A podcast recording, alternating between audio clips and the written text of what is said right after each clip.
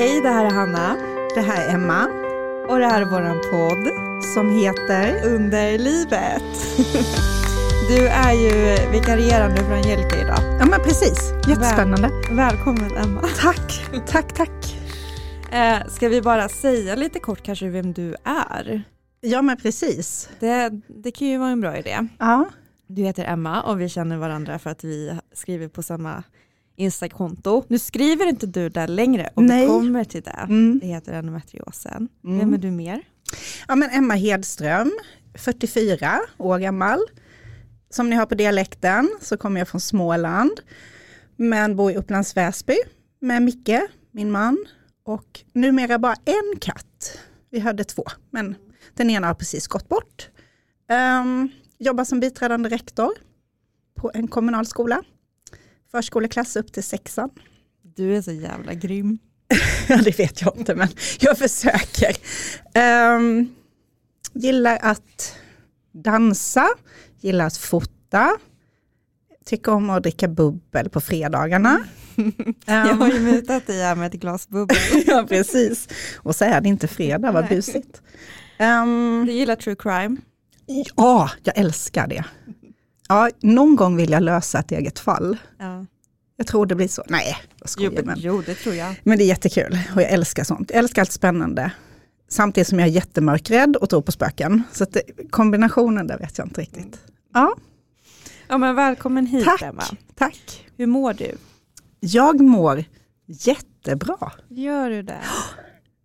Jag har ju fått ett nytt liv och det är det jag tänker att vi kommer prata om idag.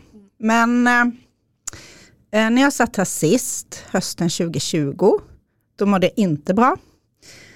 Då, alltså min endometrios var jättesvår. Jag var sjuk. Jag hade en barnlöshet, eller det har jag fortfarande, en ofrivillig. Men en sorg levde jag i då. En sorg som den finns än idag, absolut. Men eh, det är helt andra tankar i mitt huvud. Som jag gissar också att vi kommer att prata om idag. Så ja, jag mår jättebra. Hur mår du Hanna? Alltså, jag, jag blir så himla glad över att höra att du mår så bra och det syns verkligen. Du strålar. Så jag är så himla himla glad för det. Eh, jag är ju fortfarande mitt i min endometrios och eh, efter det här, de två missfallen som jag hade i höstas så Mm. fick jag ett ganska så grovt skov som Mm. har varit skitsvårt att hantera och jag har för första gången i mitt liv varit sjukskriven. Nu är jag tillbaka 50% och jag har, vad är det nu, tre veckor tillbaka börjat med en hormonbehandling igen så det betyder ju att jag inte längre kan bli gravid och det är ju också någonting man måste hantera. Men eh, jag behöver få leva och vara Hanna och det har inte jag varit sen ja, i somras när jag slutade med samma behandling då.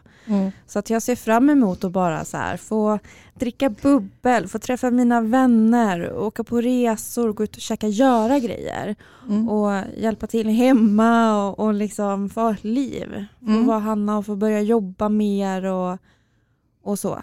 Eh, och den här, det är Reko jag tar, det är en ny medicin, det är kemiskt klimakterium. Mm.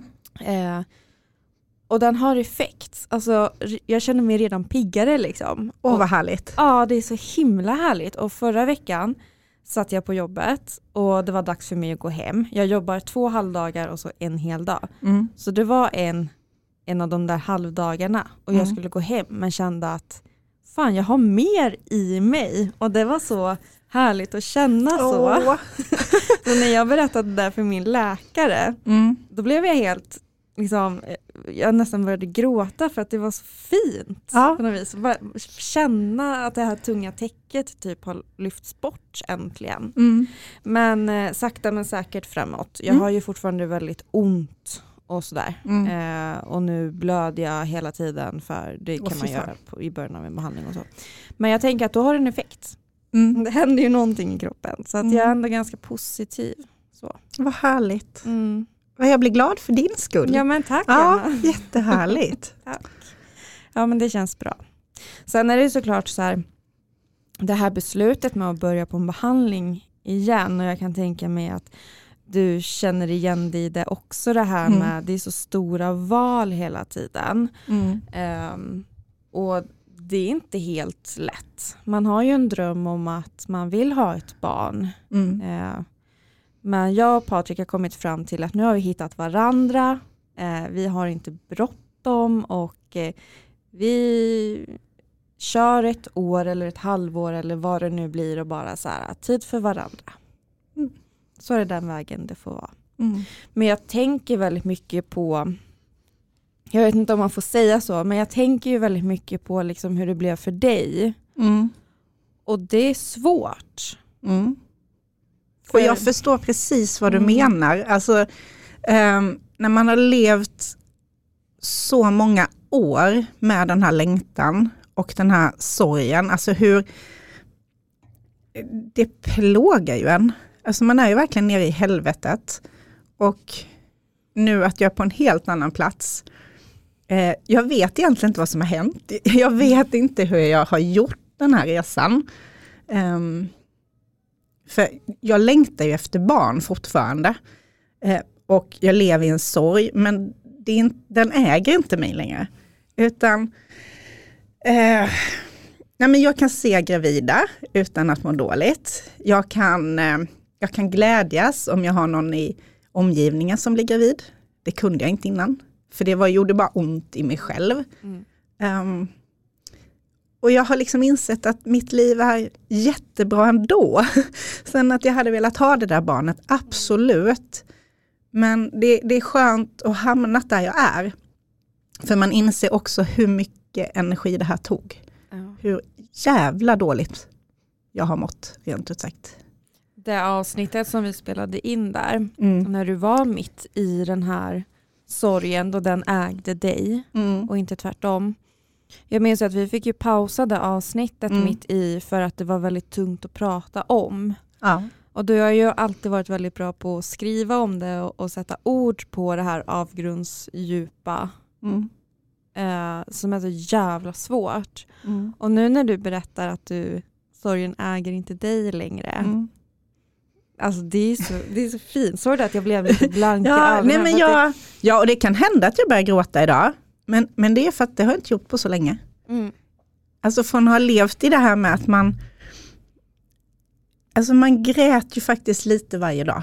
mm, Och sen som jag har skrivit mycket på endometriosen, det, det är ju där jag har satt ord på mina känslor. För jag hade aldrig kunnat säga det till någon. För då hade jag gått sönder. Det var liksom så här, berättar jag hur jag mår, då kommer jag bli en våt fläck. Och så får man skrapa upp mig. Det var så det kändes.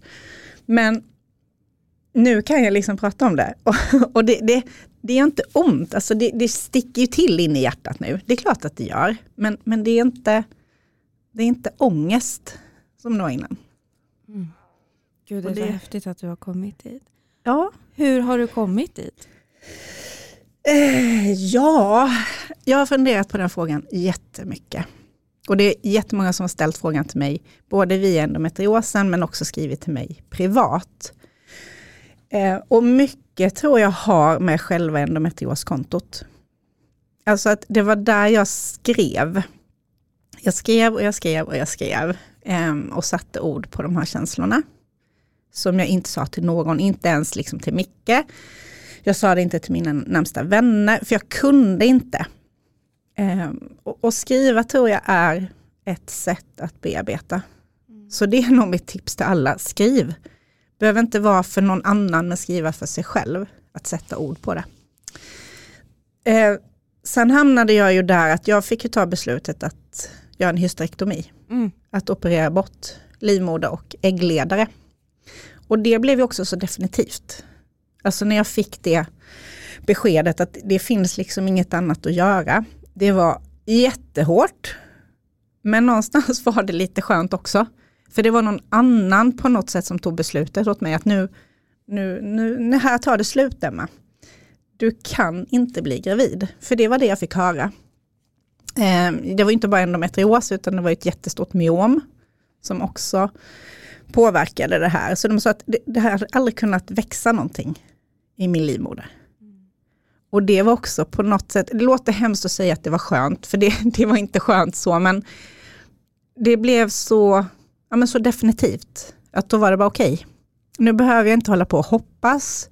Jag behöver inte hålla på med ägglossningstest. Eh, planera in när man ska ligga. För det var ju så faktiskt livet är ett tag. Eh, och det var också lite skönt. Så en kombination med att skriva av, för jag tror man bearbetar genom de orden. Alltså skriva ner hur man känner. Och sen att det blev liksom det här slutgiltiga. Mm. Att operera bort det. Men du blev ju gravid en gång. Ja, det blev jag. Och fick havandeskapsförgiftning. Nej, utomkvedshavandeskap. Utomkvedshavandeskap, mm. just det. Eh, och hur gammal var du då? Då var jag 30. Mm. Och sen så fortsatte du att försöka bli gravid ända fram till du var 40? Ja, vad blir det nu? Um, egentligen till, till och med, man säger januari 2021. Mm. För det var då jag var hos gynekologen. Mm. Och hon sa att det är det här alternativet som finns. Kände du det på dig när du gick ja. till gynekologen den dagen? Ja, det gjorde jag. Men ändå att, att, att få höra det, åh oh, herregud vad jag grät. Mm. Jag höll mig in hos henne, för hon var ändå så här, jag vill att du går hem och, och diskuterar med din man. Samtidigt känner man, vad är, vad är det att diskutera? Mm, det, handlar liksom, det handlar om mitt liv. Mm. Um, och min gynekolog hon har sin mottagning på Söder. Så ja, när jag kom ut därifrån jag bara, jag måste ringa mamma. Eh, och jag vet jag sätter mig i någon liten park med en jävla soptunna och det springer runt en råtta runt mig. Och jag satt och grät och jag känner mig, alla som ser mig nu, de tänker vad är det här för en sliten människa? eh, men jag kände på mig. Och det var ju ingenting att fundera på. Utan två veckor senare så var jag tillbaka. Och då bestämdes det liksom att nu, nu drar vi igång allting. Så opererades jag i maj 2021. Kan vi prata lite om det? Absolut. Hur den upplevelsen var? För det är ju en jättestor det är operation. Jättestort. Berätta, ta oss igenom hela upplevelsen. ja, eh, ja, men det här var ju mitt under pandemin också, så det var ju lite så här speciellt. Ja, kommer, alltså för det fick man ju höra, eh, det här kan ta jättelång tid innan ja, ja. det finns liksom möjlighet. Mm. Och jag opererades på Danderyds sjukhus. Så jag åkte väl dit där kan det ha varit i mars och liksom kollade igenom allting. Och den här härliga kvinnan, min gynläkare där, um, för jag, jag, har liksom fått för mig att ja, men man kan nog ta ut det via liksom fiffin. Det har man ju hört talas om. Och jag vet hon började skratta. Hon bara, det är ju som att du ska föda ut en fotboll typ. Hon bara, det går inte, ditt myom är jättestort. Jaha, och då inser man att det ska bli så här bikini snitt, alltså buksnitt. Mm. Att det också blir mycket, mycket större ingrepp än vad jag trodde. Och då var ju tanken bara liksom livmodern för att få bukt med blödningarna som var, alltså jag blödde ju, jag blödde igenom på 20 minuter. Mm.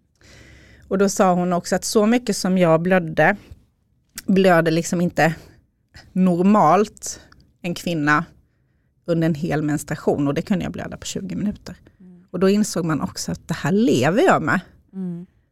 Uh, jag minns ju att du kämpade jättemycket med det där. Ja. Gå hemifrån, gå tillbaka hem. Ja, ja, ja, ja. Alltså det, och det, det, är väl det man inser nu när man inte blöder. Mm. Man har ett helt annat liv. Bara, oh, man behöver inte fundera på var man är i menscykeln. Ja, um, nej, men du fick ju verkligen liksom ja. ha dina rutiner kring det här. Absolut, absolut. Gud vad du uh, kämpade Emma. Ja, det gjorde jag. Och sen, um, och det var ju hela tiden, vi vet inte när du kommer eh, opereras, vi hoppas snart och sen fick man en operationstid och sen ringer de och bara nej, det går inte. Ja, men jag tror det var 28 maj, då var det dags. Och en kompis med skjutsar in mig på morgonen, jag ska vara där vid sju. Eh, jag ska opereras elva. Och sen typ vid nio kommer det in och säger att alla andra kvinnor som ska opereras samma dag, vi skickar hem dem men vi kommer göra din. Och då var det så tack och lov. Eh, varför det vet jag inte. Men då blev det liksom fördröjning. Så att vid ett rullades jag in på operationen. Fan vad nervöst att ligga där och bara vänta och vänta. ja, ja fy fasen. Åh oh, vad hemskt det var. Eller nu ska jag inte säga så, men, men jag var nervös. Ja. Det var jag. Och sen var det kanske lite dumt att man, som man gör, man går med i massa grupper på Facebook, man googlar en massa. Oh no Emma. Oh no, precis. um, för det var ju någon sida man läste att jag kommer typ aldrig bli människa igen. Mm. Så lät det. Och det visade sig vara tvärtom, i mitt fall. Jag har ju liksom, som jag sa innan, fått ett helt nytt liv. Mm. Eh, så jag opererades.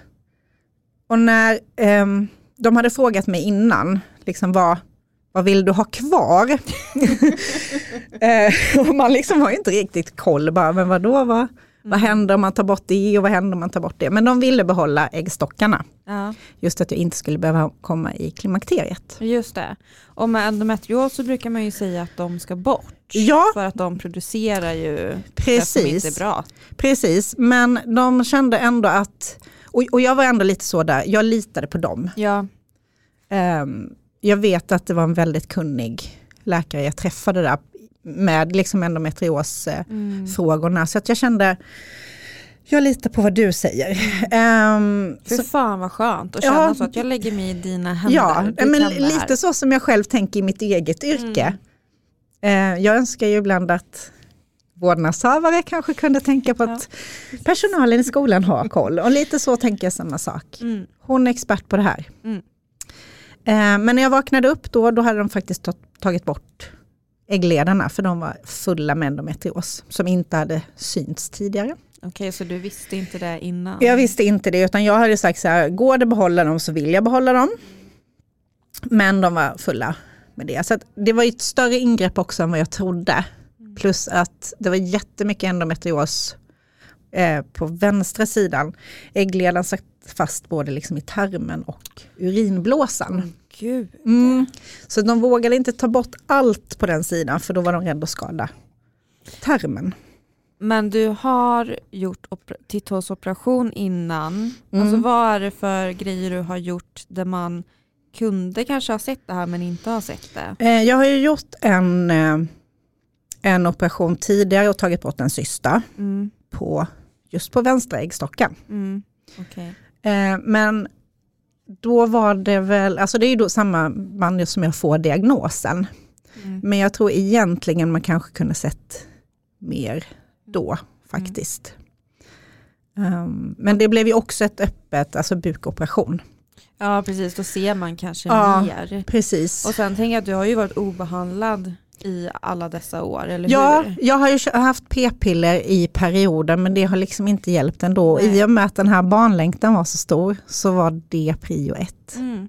Ja men då tar eh. man ju den risken. Ja ja, det är ju det man gör. Man gör ju um, vad som helst. Ja men precis. Barn var, det var det viktigaste. Mm. Ta en klunk. Nu tar vi, dricker vi vatten, och så bubbel. Mm.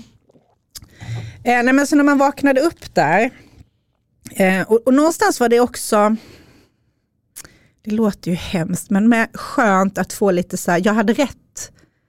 Ja, det här att, jag vet exakt vad du menar. Ja, att, ja, för det tänker man ju ibland när man, har en, alltså när man är så sjuk och har så ont. Att är det fel på mig? Kan, kan jag ha så här ont? Mm. För det syns ju inte alltid. Och så lite duktig flicka syndrom som ska bevisa att det går att jobba och göra allting. Um, och då liksom får jag höra att allt är fullt av endometrioshärdar. Och även liksom ner på då vänstra sidan, eh, ner mot höften. Och då fattade man ju med det här när benen bara viker sig ibland. Då blir det så här, ha! Det fanns en anledning till att det har gjort det. Vilken jävla upprättelse. Ja, ja men så lite. Sen är det ju synd att man ska gå igenom allt det här mm. för att få upprättelsen. Men, men att känna att det är inte mig det är fel på. Alltså jag är inte dum i huvudet. Um. Fatta då att du har liksom arbetat, du har avancerat mm. på ditt jobb och du har, alltså du har varit så jävla duktig Ja, och för, varför gör man så? Ja, ja eller hur? Liksom vem tackar en sen att, åh vad- duktig du var Ja, som jobbade exakt. fast Ja. du hade ont. Jag borde gjort duktig inom citationstecken Mm. för man hade ju varit duktig även om man inte hade liksom knegat på på det där sättet. Absolut. Men, och, och din mage var full av en Mm. Mm. Satt fast i tarmen. Mm. Aj. Ja, så det var lite sådär, det, det var samtidigt lite chock ehm, att få höra att det var så mycket, samtidigt som det var lite där, ja, I told you so. Mm. Ehm, sen, sen mådde jag jättedåligt efter operationen. Jag, jag svimmade och hade mig, eh, vad som hände vet jag inte riktigt, men så jag, var, jag var kvar på sjukhuset lite längre än vad man normalt sett är efter en sån här stor operation. Och hur länge var du Eh, kvar? Jag var kvar tre dagar och det är ju egentligen ingenting. Man tänker, men du, du öppnar ju verkligen upp Mm. hela, hela magen. Ja. Ehm, så innan jag kunde resa mig, alltså jag svimmade så fort jag ställde mig upp. Och de är ju ändå så här, du ska gå på toaletten, du ska ta dig upp. Ehm, Hade du kateter? ja, det hade jag. Men sen de tar ju bort den ganska snabbt, för det är jätteviktigt då att man ska kunna.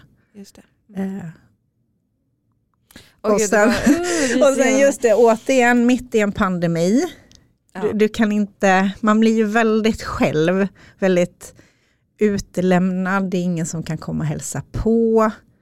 Eh, De här fantastiska sjuksköterskorna som, som sliter. Och så kände man ibland, bara, men kan inte någon bara sitta och hålla med i handen och, och gråta med mig nu? För det var ju det också, att det var, man har tagit bort ett organ från mig. Ja, berätta om det. Alltså, hur, hur kändes det när du låg där de där dagarna efteråt? Ja, en, en grej som var helt sjuk som jag inte fattar hur de tänker, det är när jag ska rullas in på operation. Man väntade Nej, liksom. jag vet vad du ska säga. Och då är jag i samma lokal där nyförlösta kvinnor är. Så det enda jag hör, det är små fantastiska bebisar som gråter. Ehm, och kvinnor som kanske då har gjort ett kejsarsnitt. Pappor som går runt och bär på de här små knytena. Och där ligger jag och ser liksom, vet att min dröm, Mm. här tar den slut. Den, den, det, det är liksom slut. Och jag fattar inte. Jag fattar inte hur de tänker. Och jag vet att då eh, tryckte jag så här på larmknappen och så kom det en sköterska och, då, och jag grät och jag grät och grät. Eh, Men hon hade ju inte tid. Och det förstår jag. Jag förstår det, men liksom att ja, det var helt galet. Hur fan vad ont det måste ha gjort. Och, då, och jag låg ju säkert en timme och väntade. Hur klarade du det? Jag vet inte. Alltså jag grät, ja, men jag grät konstant. Ehm, men jag vet, jag vet inte. Mm. Det var helt... Och så just när man såg lyckan. Jag vet det kom en pappa som går just med det här lilla, lilla, lilla, lilla fantastiska Mm. knytet. Och så såg man hans glädje och här ligger jag. Äh, det var usch, det var tortyr faktiskt. Ja, så där tycker jag de behöver tänka om.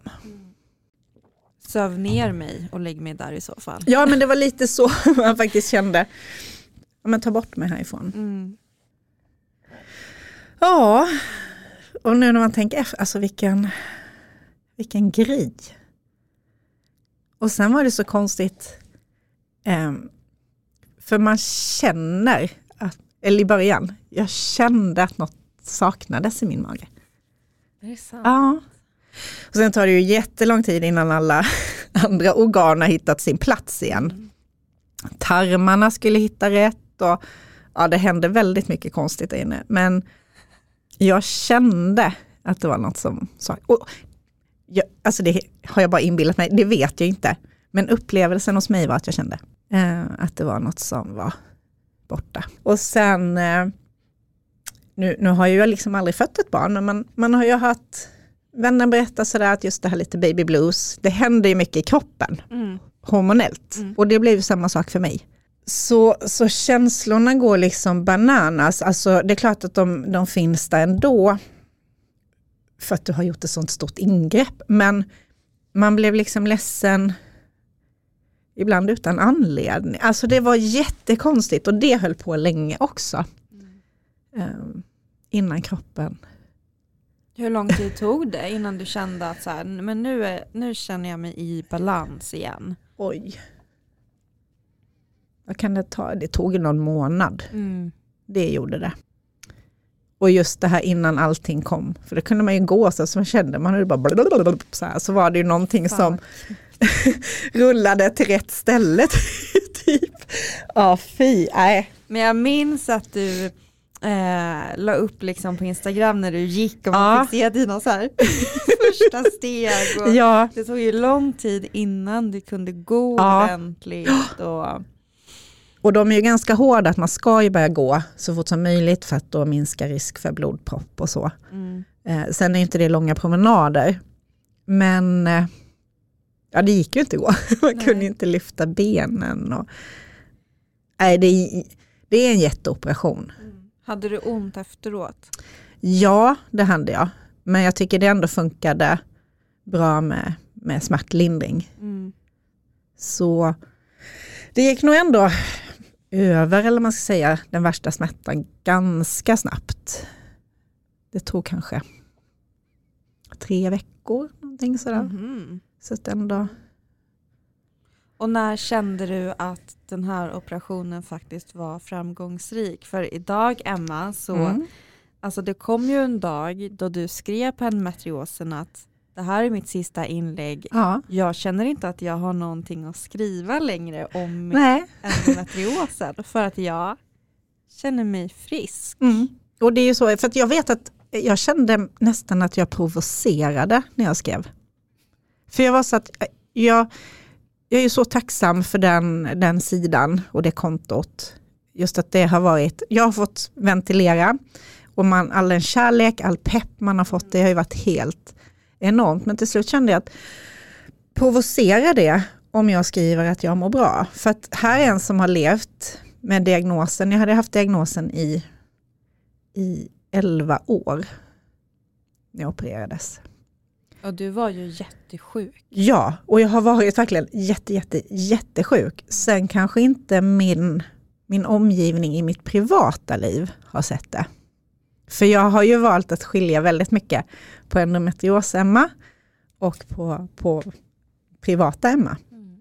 Ehm, men då tänkte jag så här, men någon kanske blir jätteupprörd av att höra att jag mår bra. För att när jag vet hur så många mår så jävla dåligt av den här sjukdomen.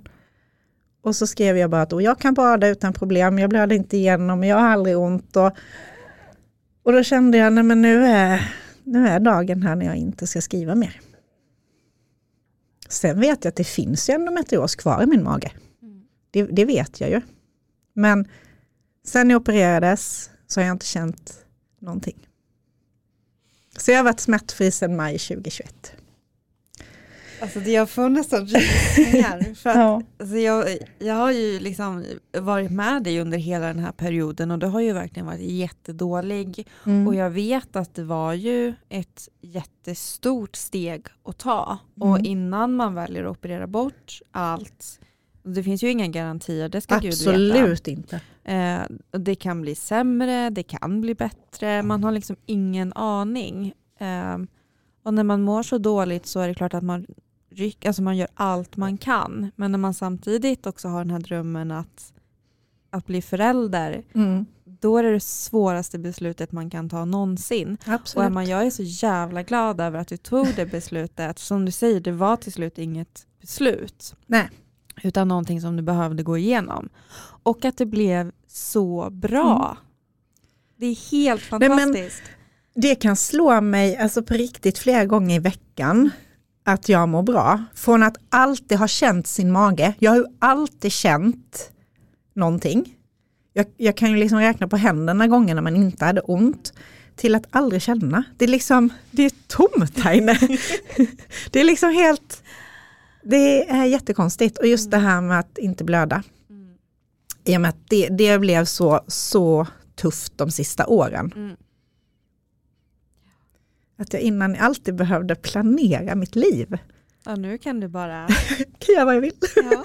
Ja, nej men det, Men det här som du säger att det kanske är triggande för människor att du mår bra. Mm.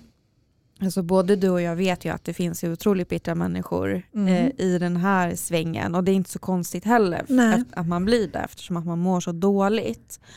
Men samtidigt så tror jag också att det är så jävla viktigt att man också visar att man kan må bra. Mm. För det är ju när man mår dåligt och när man är bitter så man behöver skriva av sig, man behöver prata och det är där sådana historier som Google fylls med. Liksom. Ja. Så att jag tänker att du behöver finnas där med din solskenshistoria för någon person som ska göra samma operation och googlar och behöver liksom verkligen så hitta.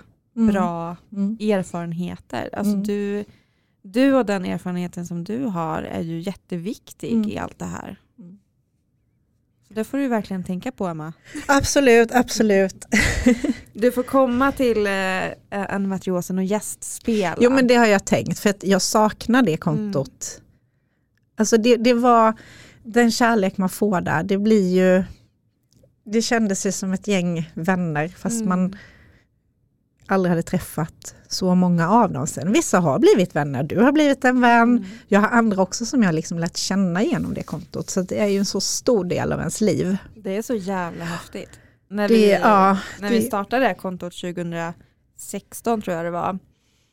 Eh, då var det ingen som skrev om det på Instagram. Nej. Vi var det enda Instagramkontot förutom endometriosföreningen som skrev om endometrios på Instagram. Det är helt otroligt. Och idag så är det ju konton överallt. ja. Det finns liksom inte ett enda ledigt namn med endometrios i. och det är så jävla häftigt att se.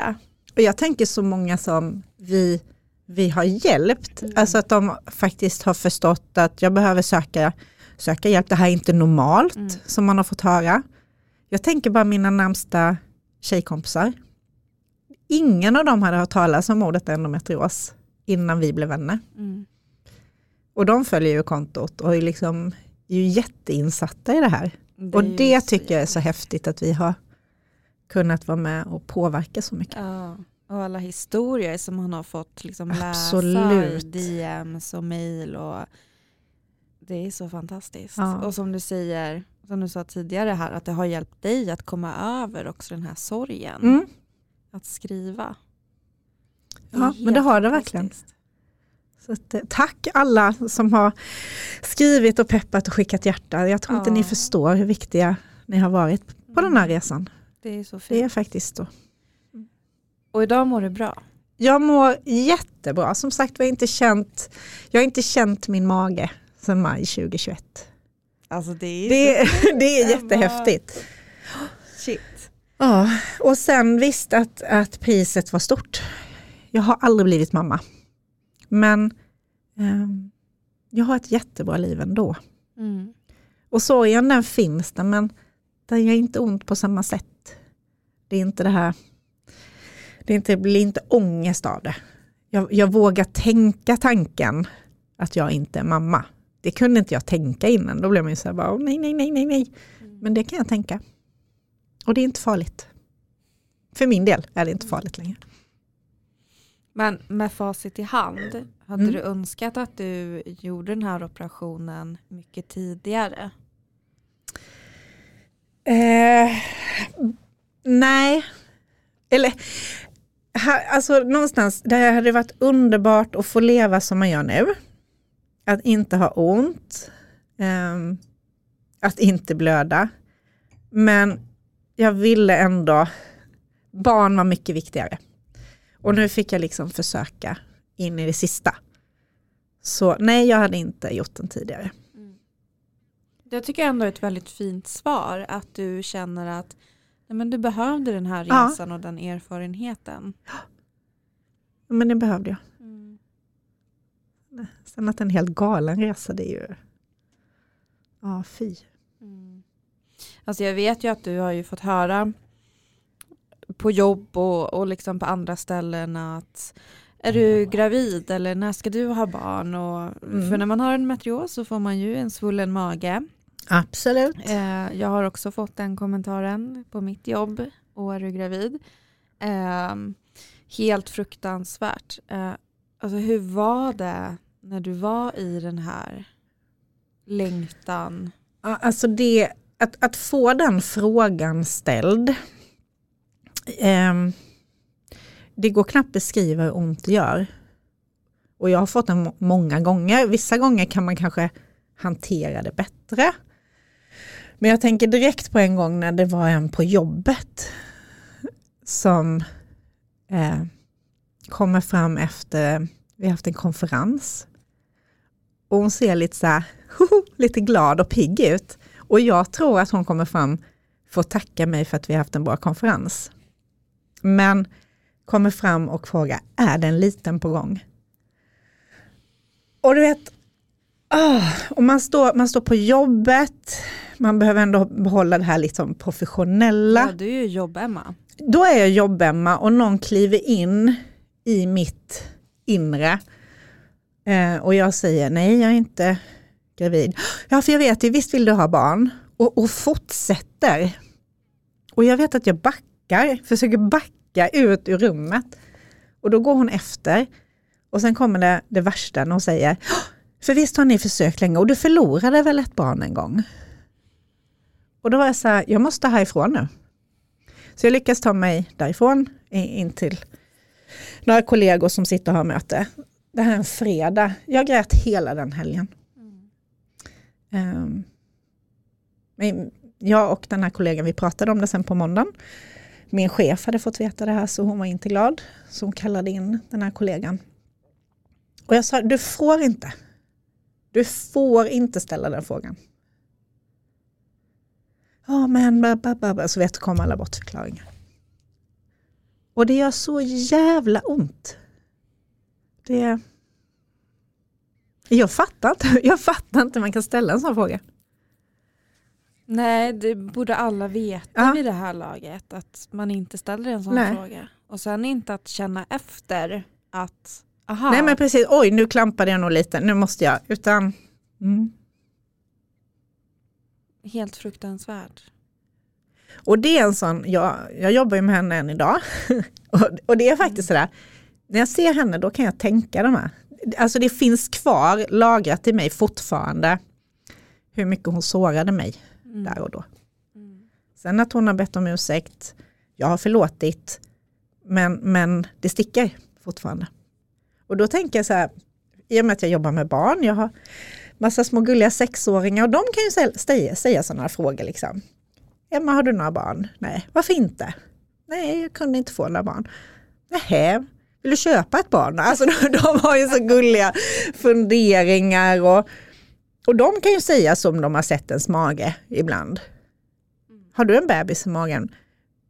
Och de, de först, jag tycker de förstår det på ett helt annat sätt. Man säger nej, det har jag inte. Men det, och det känns inte jobbigt när de in, frågar. inte när barn frågar. Nej. Absolut inte. Mm.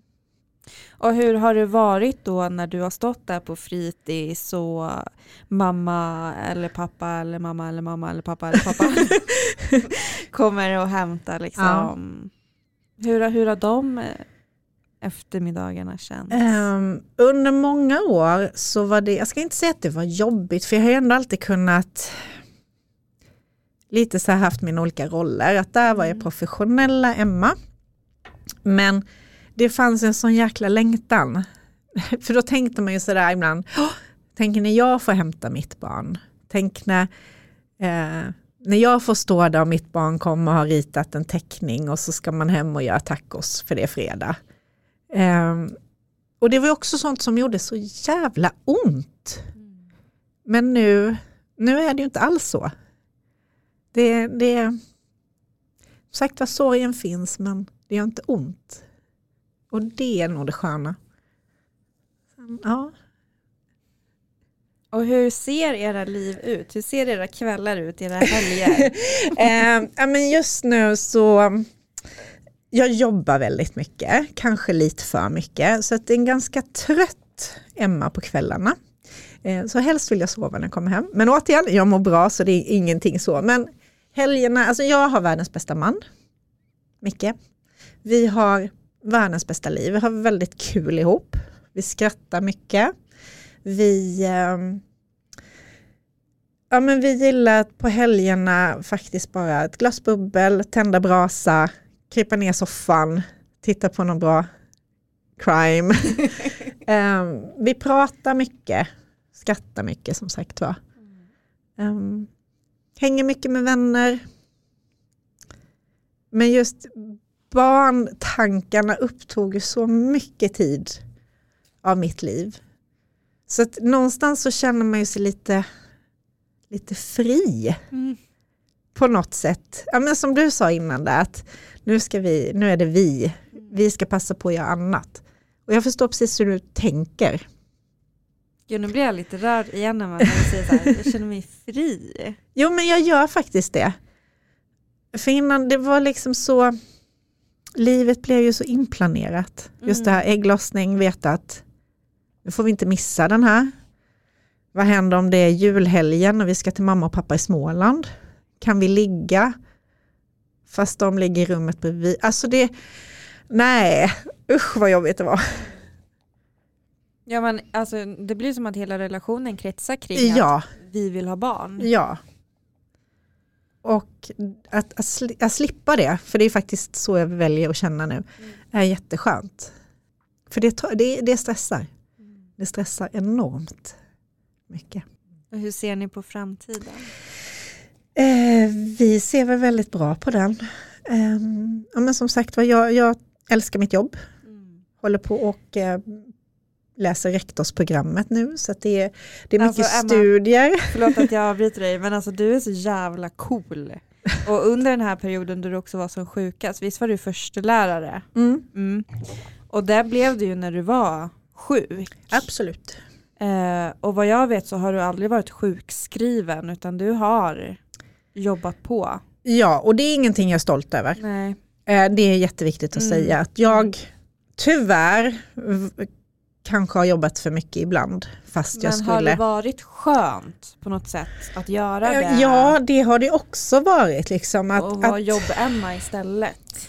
ja, sen är det väl de här tillfällena när man faktiskt eh, legat på jobbet, på kontoret eh, och så hämtar någon, gör liksom egna värmedynor med skållhett vatten i en flaska. Det, det är inte värdigt. Varför åkte du inte hem? Nästa fråga. Nej, jag vet, alltså, nej men det är ju det som är så... Eh, jag vet inte.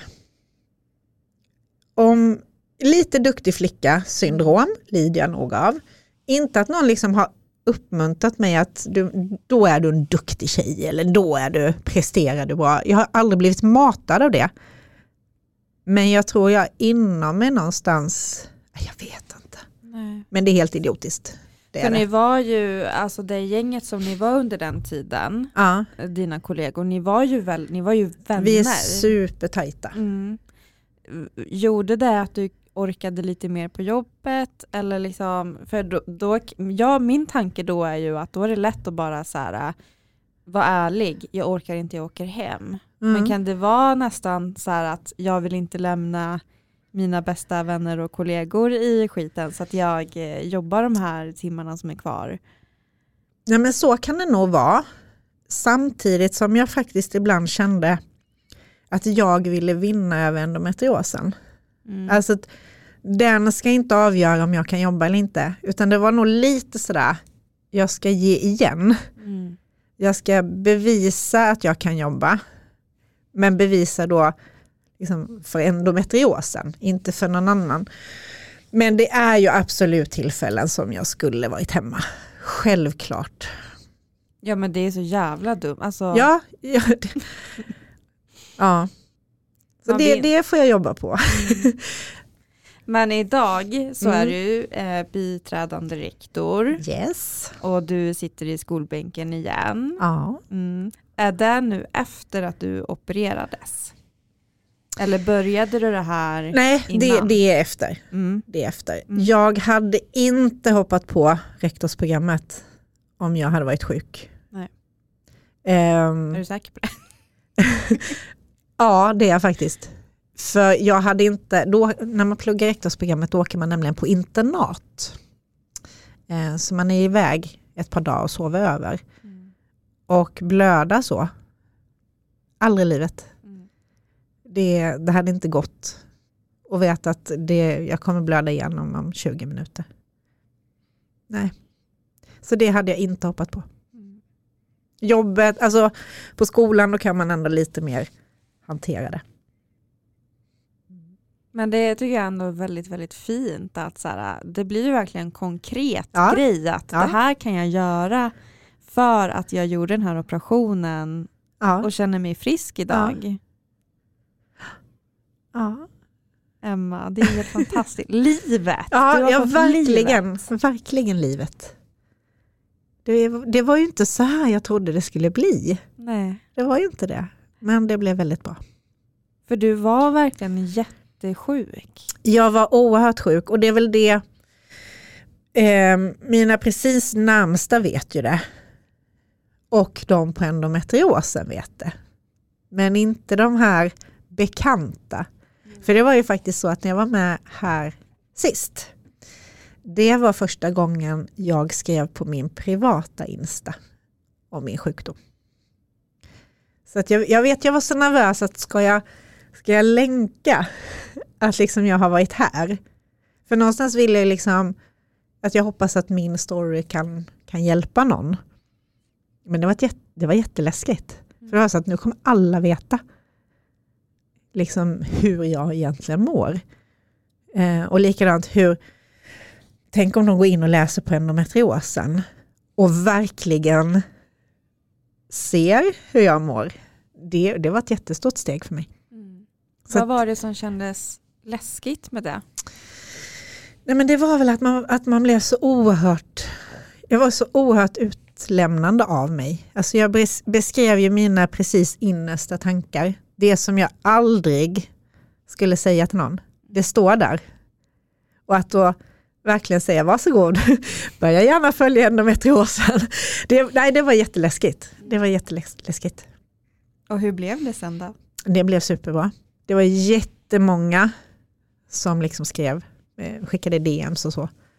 Eh, och liksom även sådana här som är alltså nära i min familj som skrev Emma vi visste inte. Alltså nära vänner som skrev jag visste inte. För att jag hade inte låtit dem komma så nära. Eh, och, och allt det här det var för att Eh, hur ska man förklara? Nej men återigen lite det här, jag, jag var så rädd att gå sönder. Och prata om hur man mår i den här jävla sjukdomen. Så går man sönder, det är det enda ordet jag kan beskriva. Och att någon skulle få se en gå sönder så mycket. För tänk om jag inte kunde bli hel igen. Då är det bättre att hålla dem lite på avstånd på något sätt. Ja, det är så himla härligt att ha dig här igen och liksom se, se att du mår så bra. Det känns faktiskt väldigt så här, hoppfullt för mig. Ja men det är ju det man önskar att alla med endometrios får må bra. Om så bara för en stund, för jag vet ju de som aldrig mår bra. Mm. För det är rätt häftigt att känna, känna att man inte känner magen. Mm. Liksom det, att det, hugg inte, stick inte det. Ja. Alltså jag kan inte ens föreställa mig. Men, men pratar du någonsin om endometriosen nu eller är den liksom helt borta för dig i liksom tankar och Ehm. känslor? Nej, jag pratar nog inte så mycket om den. Jag vet ju att den lilla jävlen finns där inne. Det, det är jag väldigt noga med. Att jag går inte runt och säger att jag är botad eller Nej. någonting. Absolut inte. Men den är inte aktiv. Jag äter minipiller för att hålla liksom de härdarna som de inte fick bort, hålla dem i schack. Mm. Och jag går ju till min gynekolog så att vi håller liksom koll. Men eh, det är nog också lite sådär att den, den har varit en så stor del av mitt liv och nu vill jag inte ha med den att göra. Mm. Nu är det jag som bestämmer. Den har bestämt tillräckligt så att nu vill inte jag att den påverkar mig mer. Är du rädd att det ska komma en dag då du har ont igen? Ehm, inte rädd. Jag, jag är nog ganska beredd på att det kommer komma tillbaka, men jag är inte rädd. För att jag har levt så mycket med den. Jag vet hur det känns, jag kan ju varenda tecken nacken. Eh, så att jag är inte rädd. Utan då är det bara okej, okay, kom igen så tar vi fighten en gång till. Nej, jag är inte rädd för den. Mm. Sen vill jag inte må dåligt, absolut inte, men nej. Och nu tänker jag, nu samlar du ju en massa, massa energi och styrka. Absolut. Som du kan använda när den dagen, om den kommer. Ja, så då är jag redo. Då är du redo. Ja, bring it on, mm. bitch. nej, men, nej, nej, men att... Eh, men jag har alltid varit noga med det att det, jag, jag vill liksom inte bli förknippad med min endometrios. Mm. Jag är jag. Um, så den, det var bara liksom en ovälkommen gäst som tyvärr inte riktigt vill flytta. Men, uh, men det där är ju jättesvårt, det där med den får inte vara en del av min identitet. Ja. Det där har jag jättesvårt med. Mm. För att den påverkar mig exakt varje dag. Eh, den finns i alla mina olika val jag tar under dagen. Jag måste ligga steget före. Vi har alla de här tabletterna och läkarbesöken och data. Eh, jag fick gå hem från jobbet eh, i, ja, men senast i torsdags för att jag har den här jävla blödningen och jag hade så jävla ont. Liksom. Till slut hade jag en kollega som sa Hanna, nej nu går du hem. Jag mm. tar mm. över, jag, jag, jag tar dina prov som du ska ha nu på eftermiddagen. De får komma till mig och skriva. Helt fantastiskt att ha en mm. sån kollega. Jag tycker om dig så himla mycket Ines. eh, men eh, det där är så jävla svårt att så här, vad är Hanna, vad är Emma, vad är endometriosen, var börjar den, var slutar jag och så vidare. Det är skitsvårt. Det är jättesvårt. Och där tror jag nog just kontot endometriosen blev så bra. För att då fick jag vara sjuka Emma men ändå med inslag när jag mådde bra. Mm. För det tänkte jag också var viktigt att kunna skriva om dagar som man hade haft, eh, haft en bra dag eller en bra vecka eller bra månad. Det kunde ju faktiskt hända vid enstaka tillfällen. Eh, ja, ja, för min del fungerade det. Att inte kanske blanda in så mycket på min, min egen privata Insta. Utan där får jag vara friska mm. hemma. Mm. Och man blir så jävla duktig på att, gud vad jag svär mycket, men det, det är stora känslor. Ja. på att eh, ta vara på de här bra dagarna. Ja, ja. Man blev så duktig på det. Ja. Man är så duktig på det. Nu har ju du bara sådana bra mm. dagar och jag hoppas ju att, att du tar vara på dem. Absolut. Eh, så man, man lär sig ju verkligen leva och njuta när det är bra. Mm. Men Emma, jag vill prata lite om eh, barnlösheten ja. igen. Yes. För eh, jag, jag kan ju absolut inte kalla mig för ofrivilligt barnlös eftersom att det har gått så kort tid. Det tar tid att bli gravid, så är det ju. Eh, men vi fick ju två missfall. Mm. Eh, vården säger ju att du kan bli gravid, allt är guld och gröna skogar. Mm. Eh, och det stör mig väldigt mycket. För jag har ju endometrios och jag tänker också mycket på din situation. Mm. Du blev också gravid. Mm. Det blev jag. Men sen så gick det inte. Jag vet inte om det liksom blir jättedumt av mig att säga så eller tänka så, men jag känner mig livrädd. Men, och jag förstår, och jag tycker det, det handlar inte om hur lång tid ni har försökt eller Alltså det är inte konstigt att ha de här känslorna och framförallt inte när man har endometrios som man vet kan påverka. Sen finns det de som blir gravida jättelätt. Mm. Eh, det är viktigt att säga men jag fattar din rädsla och när du la ut på, på Insta vad som hade hänt dig, ja men då grät jag. För då var, nej men då var det för att jag förstod precis hur du kände. Jag förstod varenda ord, jag förstår varenda känsla, jag fattar. Um, det är läskigt. Mm. För man kan liksom inte...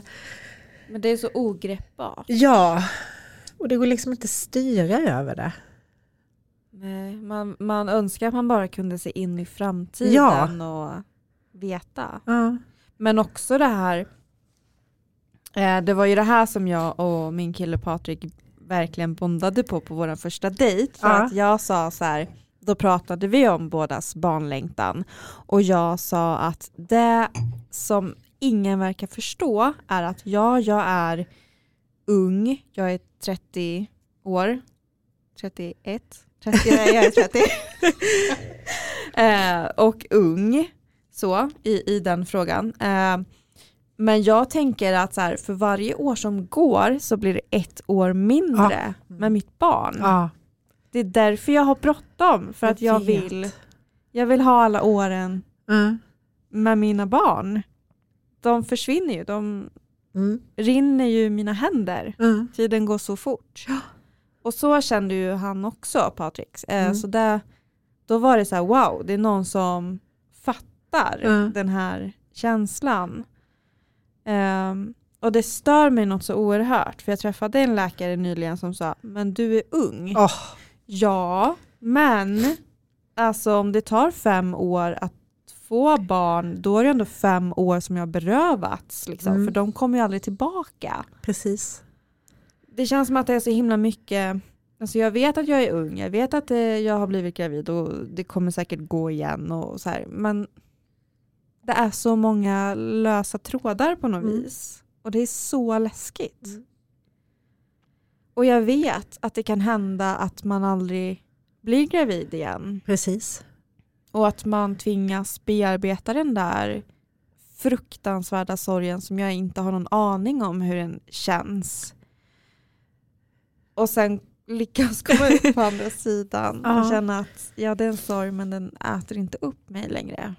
Vill du ha liksom nu det magiska tipset här? Eller? Precis som inte finns. ja. Nej men jag vill bara, Nej, jag förstår precis. Ehm, det är svårt. Det är jättesvårt. Och framförallt, jag har ju alltid sett mig som att bli mamma. Jag trodde jag skulle vara en ung mamma. Ehm, ja, men liksom, jag hade ju planerat allt vad, vad barnen skulle heta. Alltså så, så var jag ju i min värld. Ehm, Hur gammal var du när dina barndrömmar började? oj, oj, oj. Jag var nog redan i 20-årsåldern. Så jag hade sådär, ja, första barnet när jag är 25, andra barnet när jag är 27. Eh, ja, och sen bara tickar det på. Alltså jag förstår när du säger den här stressen, när det bara tickar på. Och så vet man att det är ju bara en gång i månaden som det funkar också. Det tyckte jag var stressande. Mm. Jaha, fasen nu blev det inget denna månaden. Eh, och om man då hade prickat rätt på alla sätt och vis och den här, man väntade in mensen och den blev en, två dagar försenad och man, alltså man börjar ju mentalt planera för det där barnet. Och så blev det ingenting och så visste man, hopp, får vi testa nästa månad igen. Alltså det, det, det är en sjuk stress. Som jag, jag tror inte den är bra. Alltså för det känner jag i efterhand, hur, hur jäkla dåligt jag mådde. Eh, Och under hela den här tiden så har du och Micke hängt ihop. Ja, Det är så jävla fint. ja. ja men han är fin. Han är världens bästa. Ja. Nej, men jag, jag tänker hela tiden på vad Micke sa på vår första dejt. Vi, vi, eh, eh, redan första dejten började vi prata barn och det kan ju normalt sett vara så här, bara, wow, creepy. Red flag. Eh, och då vet jag dels att Micke sa att vad, vad är det man väntar på? Alltså om någonting känns rätt. Och då var jag så här, åh, det här, det här är en kille, det här, det här låter bra. Eh, och sen eh, i den här med barnlösheten, liksom när vi kämpade, så vet jag att han sa, livet blev inte som vi hade tänkt, men det blev bra ändå. Och det är lite sådär, det är hans lilla ordspråk som alltid har förföljt mig. Att jag tycker, nej det blev inte som vi hade tänkt, men det blev väldigt bra ändå. Vi, vi har ju så kul ihop han och jag. Uh. Och ni är ju föräldrar. Ja, Mm. precis. Till våra katter, eller vår ena katt nu. Eh, det, det var väl en sån här sak, nu kommer det låta jättekonstigt, men, eh, ja, men som sagt var vi älskar våra katter och man kunde se hur mycket är mot dem. Då kunde man ibland säga, åh, Tänk när han får vara pappa till ett barn. Om man är så här mot ett djur, hur är man då mot sina barn? Mm. Så det var också en sorg sådär. Det kan jag verkligen förstå. Jag tycker inte alls att det låter konstigt. Men jag tänker vad fint då att du ändå kan se det i relation till katterna. Ja. Att, att du ändå får ta del av en sån känsla. Jo men precis, jag, kan, jag, jag får se hur han hade varit Mm, som eh, pappa. Och han får se hur jag hade varit som mamma. mm. Emma, ska Ja. vi knyta ihop säcken tänkte jag men jag tror att vi har gjort det redan. Eh, har du något mer som du känner att du vill säga? Eh, ja, alltså att jag, jag förstår alla som lider av endometrios, för jag var en av dem. Eh, jag har också levt med smärta dygnet runt i, i flera, flera månader. Eh, och jag kan ju inte sitta och säga att åh, operera jag så blir det bra. För så är det inte. Men eh, jag får må bra i alla fall. Och jag hoppas att alla där ute också får känna att man mår bra, om så bara för en liten, liten stund. Eh, och sen vill jag återigen tacka för allt stöd man fick på endometriosen. Det var helt amazing. Tack Mm. Emma och tack för dina fina texter där. Kan inte du samla dem till en bok? Vet du, jag har faktiskt tänkt på det ibland. och jag kan än idag ibland gå tillbaka och läsa dem. För det är då jag också ser, jag kan veta precis var jag är i min process. Alltså du, är, du har ju en, en väldig talang för att skriva. Du skriver så fantastiskt att man verkligen känner exakt vad du går igenom.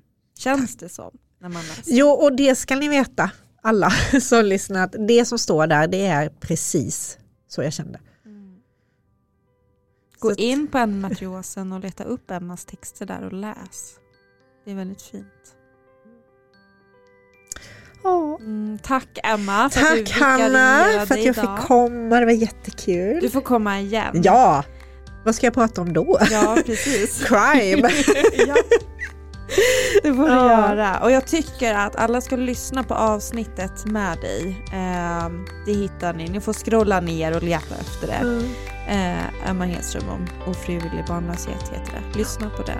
Det är ett väldigt fint avsnitt det också. Tack, Tack, Emma. tack!